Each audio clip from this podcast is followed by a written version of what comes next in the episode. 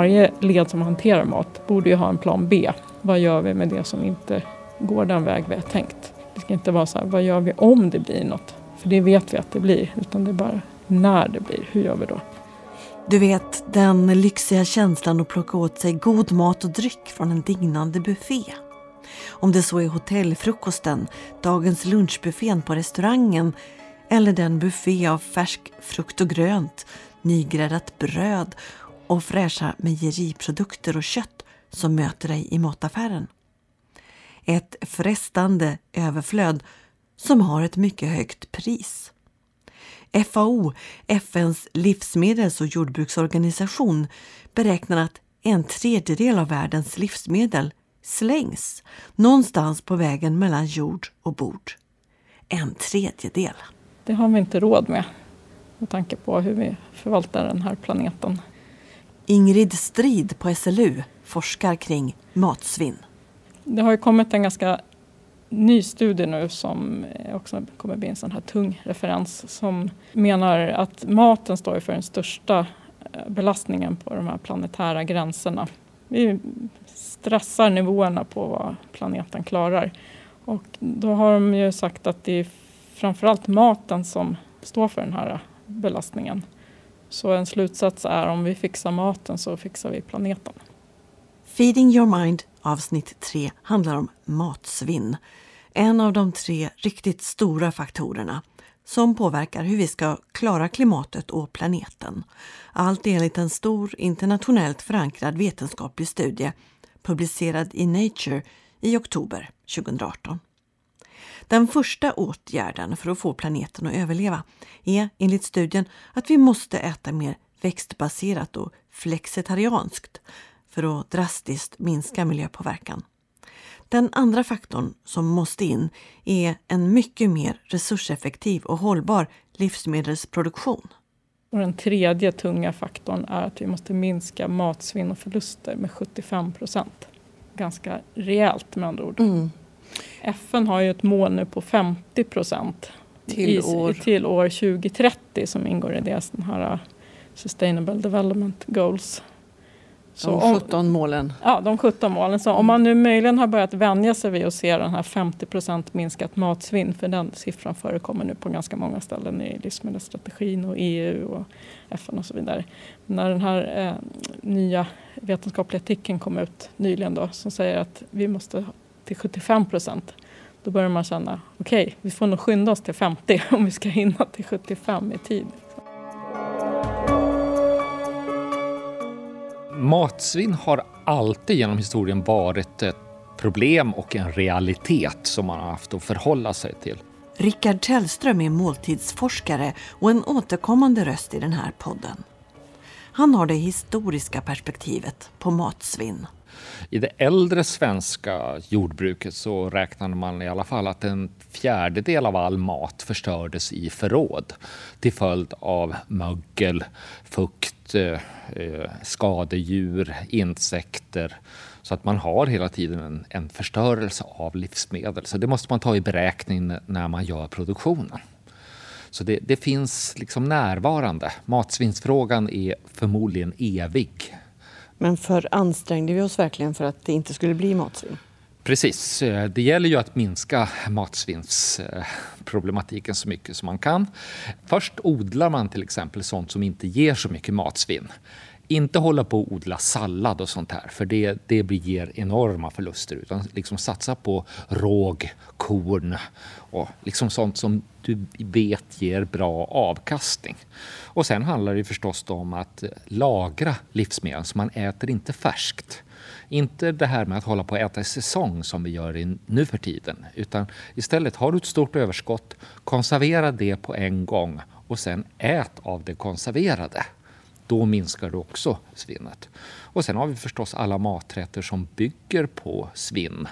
Alltså alla skafferistädningar och sånt som jag är uppväxt med, med. Att man äter, varenda liten matrest kan användas för att bli nya maträtter. Och till slut är de ganska besynnerliga, men man kastar ingen mat.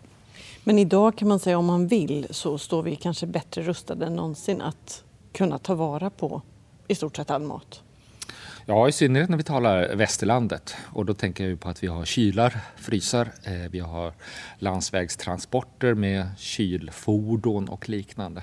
Eh, I synnerhet här då i norra Europa eller i Europa och västerlandet jämfört med låt oss säga Afrika och Asien där man har enormt svinn hela tiden på grund av att man har färskmat och väldigt höga temperaturer. Det där med att uppskattningsvis en tredjedel av all mat blir matsvinn, det är ju inte bara konsumenternas fel. Mycket mat förstörs eller tas aldrig tillvara ordentligt på vägen, säger matsvinnsforskaren Ingrid Strid på SLU. Men, säger hon, vi kommer inte undan faktum. Man har ett ganska stort ansvar som slutkonsument. För att om man ehm, slänger saker i hushållen och då kompenserar genom att köpa in sån vara igen, då triggar man ju hela den här livsmedelskedjan bakåt. Och i alla tidigare led finns det också förluster. För det är vi som styr liksom hela den här kedjan. Hushållens slarv och slöseri driver överkapaciteten i leden innan? Ja, det kan man säga. Så att om, och jag tror att vi kan komma väldigt långt på hushållsnivå. Och det, det jag ville säga med det är att det kommer också kunna minska svinn i tidigare led. Det viktiga är ju att tänka att man inte köper in för mycket mat. Det är där man måste möta problemet. Man kan inte liksom äta sig ur problemet att man ska liksom se till att allt blir uppätet. För det, då påverkar man sin hälsa då, så man ska äta precis lagom. Och sen så ska man anpassa inköpet efter det. Så jag brukar tänka att man har inköpsstopp till exempel. Nu får vi inte handla förrän det börjar verkligen sina. Och för att det är först då man kommer på nya idéer. Ja, men nu har vi inte haft eh, tomater här i salladen. Ja, men då kommer man på ja, men då kan man ta krossade tomater. Så man liksom ser till att omsätta alla sina förråd. Och frysen är jätteviktig att omsätta. Den ska inte vara en sista vila för saker som man stoppar in i fyra år. Utan man ska jobba dynamiskt med sin frys. Då, så det försöker jag också göra. Så ta fram grejer ur frysen på morgonen som tinar under dagen och släpper från sig sin kyla in i kylskåpet så den kylan kommer till nytta. Liksom. Men det ligger kanske väldigt djupt i oss det här att eh, lite så här bunkra beteende och ha lite marginaler och hellre för mycket än för lite. Ja, det kan det nog göra. Jag tror man måste tänka om där. Och även om man skulle tänka ur någon sorts mobiliseringsförrådstänk som jag vet att min mamma gjorde. Hon hade några konservburkar med skinka så här, som såg jättemärkligt ut. Ja, som låg kanske i 30 år på landet eller något sånt där. Det gäller ju att omsätta sina förråd. Även om ur säker, livsmedelssäkerhetssynpunkt så vill du inte ha torkade linser som har legat i sju år i förrådet. Men det motsäger egentligen inte att man har förråd, men just som du säger. Nej, man måste fall... omsätta sina mm. förråd. Så att om man använder upp de här, låter bli att köpa färska grejer som man äter torkade linser någon dag. Då blir det åtgång på dem och då kan man köpa ett nytt fräscht paket linser sen. Det blir ett sätt att uppfräscha sina förråd genom att använda dem.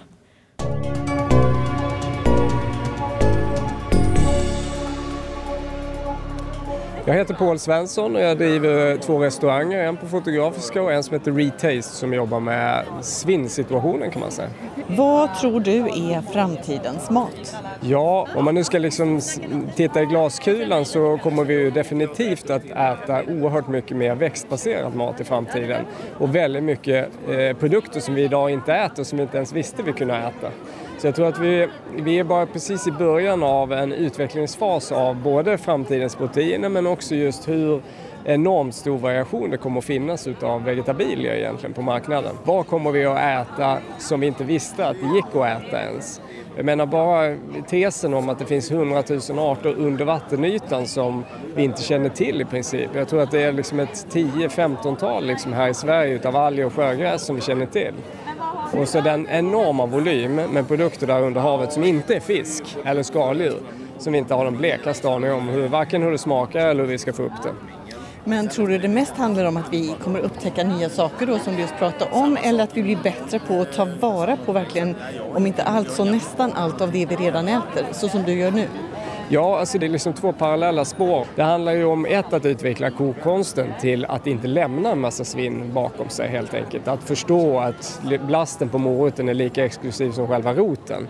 Men nu är det ju en okunskapsfråga i många fall att vi tror inte att vi kan göra någonting med blasten. Så att där är ju en femma, att det är mer grödor på grödan som vi inte äter som vi borde äta och som vi måste lära oss att göra. Men sen finns det också en väldig massa grödor som vi inte ens känner till att det gick att äta eller en variation av grödor som vi inte visste fanns. Det tror jag på. Du lyssnar på en podd från Sveriges lantbruksuniversitet. Det är väldigt känsligt för matvarubutiker att maten där tar slut. Det får liksom helst inte hända, säger matsvinnsforskaren Ingrid Strid. Alltså håller sig butiken med marginaler.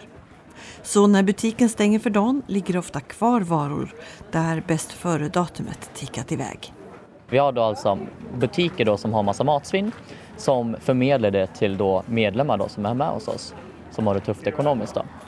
Och på så sätt kommer de, de här hjältemedlemmarna som vi kallar det bli miljöhjältar för de gör även en insats för sig själva och för samhället. Christian Hollos Eriksson och Cecilia Salén är från föreningen Food to Change som förmedlar varor där bäst före-datum närmar sig eller passerats. Eller till exempel varor som blir svåra att sälja på grund av skadade förpackningar. Alla är vinnare. Samhället är vinnare. Sedan vi startade i maj 2016 så har vi sett till att mat motsvarande 160 ton inte har slängts. Eh, och det har hämtats då av våra 1300 miljöhjältar då. Eh, och det är liksom människor som tjänar under 13 000 kronor i månaden som gör en miljöinsats genom att bege sig en gång till de här samarbetande butikerna och hämta sin matsvinnskasse. Vad är det för mat som står för största andelen av matsvinnet? Jag skulle säga mycket kaffe och, eh, och bananer. Och kaffe, ja, precis. Det är så att kaffet blir ju matsvinn då för att eh, vakuumet går, går ur förpackningen då. Och det går ju fortfarande att, att dricka det där kaffe, kaffet då, men, eh, men det, är inte, det är inte någon som vill köpa en, en mjuk kaffeförpackning.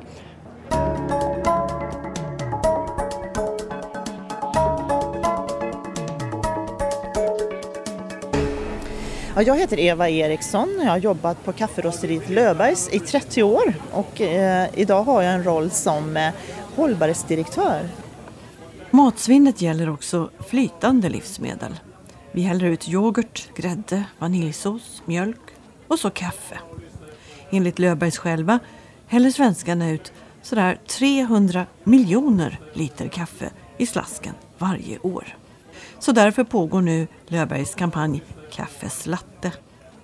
Ja, vi har förstått att ungefär var tredje kopp kaffe som bryggs i Sverige slås ut hade det varit dyrare så hade man varit mer försiktig. Det är vad jag tror. Det är min personliga analys av att vi slår bort så mycket.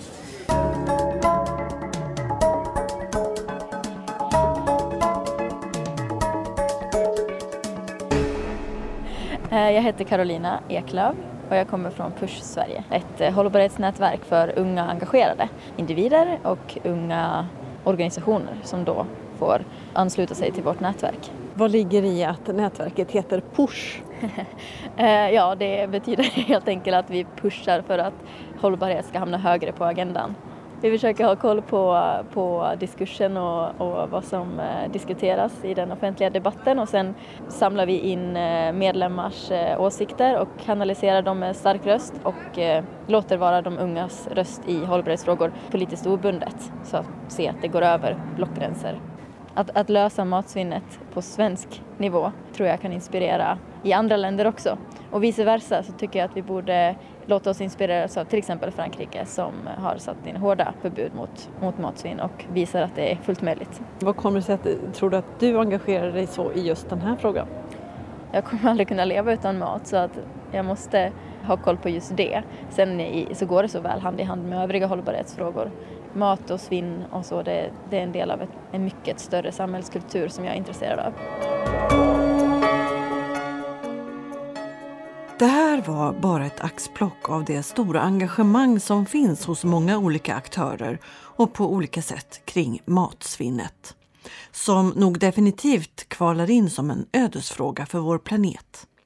Och också bland forskare har intresset och engagemanget växt fram starkt under det senaste decenniet, säger Ingrid Strid på SLU, som själv forskat kring matsvinn sedan 2009.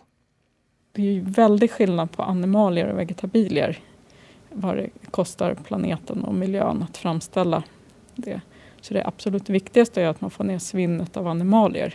Så om man inte orkar ta tag i hela frågan så kan man fokusera på det. Då. Verkligen få ner svinn på kött, ost, fisk, mjölk och grädde och sånt. Så kanske det är lite mer okej okay att slänga bröd och potatis och sånt. För att det är inte så belastande att producera. Så man börjar i rätt ända tänker jag. Man pratar ibland om eh, peak oil, eh, peak child. Eh, ja, alltså man nått den där högsta nivån. Har vi passerat peak svinn tror du? Oj, det var en intressant fråga. Ja, vad ska vi tro om det? Nej, jag skulle tro att den inte har passerat. Om jag får vad jag säger vad jag tror. Sen vad jag hoppas så hoppas jag att den har passerat. Men jag tror inte det. Jag tror att vi, det kommer ta några år till tror jag innan det verkligen vänder. Men, ehm, vad är det som kommer att få det att vända då? Ja, det var också en bra fråga. Jag drar en parallell. Det finns um, en Facebookgrupp som heter Tågsemester som har dragit till sig medlemmar som bara den. Det är uppe i tror jag, 25 000 medlemmar nu. Och en väldigt inspirerande miljö där kan man säga. Och folk peppar varandra att åka tåg och ger tips om olika... Istället för flyg? Istället för att flyga då. Och då tror jag, det verkar som att den typen av drivkraft, inspiration, tips, glädje på något sätt. Det verkar vara någon sorts grej för att få någonting att hända. Vad tror du, fixar vi det här nu då? Det tror jag nog att vi kan om vi får igång en lite folkrörelse. Jag skulle vilja få in det här i grundskolan mycket mer. Att det här tycker jag är en, del, en naturlig del av att utbilda sin befolkning att kunna hantera sin mat. Man måste kunna känna, utnyttja sin smak och lukt och syn för att bedöma mat. Den kunskapen tycker jag ska läras ut i skolan. Det är inget som man ska råka ha en mormor som kunde det där som ska lära en utan det behöver alla kunna.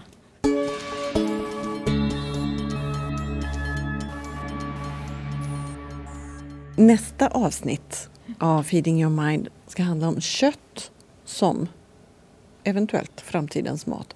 Vad har du för frågor eller fråga till köttforskare? Jag kan känna någon sorts oro kring det här antibiotikahanteringen i köttsvängen. Den skulle jag verkligen vilja se att de kommer fram med bra förslag hur vi kommer åt det. Så det kan man väl fråga de köttforskarna hur de tänkt lösa det. Antibiotikaanvändningen? Ja. Du har lyssnat på Feeding your mind, en podd från SLU Future Food. Jag heter Ylva Karlqvist Warnborg. På återhörande hoppas jag. Nästa gång är ämnet alltså kött och vad det livsmedlet kan tänkas ha för plats som framtidens mat. Och frågan om antibiotikahanteringen tar vi med från matsvinnsforskaren Ingrid Strid på SLU. Hej då!